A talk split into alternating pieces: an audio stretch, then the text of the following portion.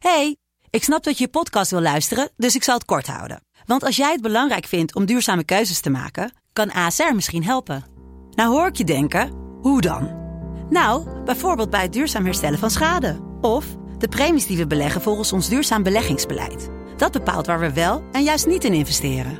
Wil je meer weten over welke duurzame keuzes ASR maakt? Ga dan naar asr.nl slash duurzame keuzes. ASR doet het. Zo, dan kan je nu lekker naar je podcast luisteren. Hey, ik snap dat je je podcast wil luisteren, dus ik zal het kort houden. Want als jij het belangrijk vindt om duurzame keuzes te maken, kan ASR misschien helpen. Nou hoor ik je denken, hoe dan? Nou, bijvoorbeeld bij het duurzaam herstellen van schade. Of de premies die we beleggen volgens ons duurzaam beleggingsbeleid. Dat bepaalt waar we wel en juist niet in investeren. Wil je meer weten over welke duurzame keuzes ASR maakt? Ga dan naar asr.nl slash duurzame keuzes. ASR doet het. Zo, dan kan je nu lekker naar je podcast luisteren. Dit is Mand, kortste podcast van Nederland. Vandaag gaan we het hebben over de klimaatverandering. Het is niet zo gek, want het is bloedheet. Je, zit hier in je, in je korte broekje. Het is januari. De druppels zweet hangen aan je Het is tepels. 15 graden. Het is gewoon te warm. Nou, te warm. Het is lekker. Ja, lekker Prima. warm. Wat lopen we nou te zeiken? Dit was Mand.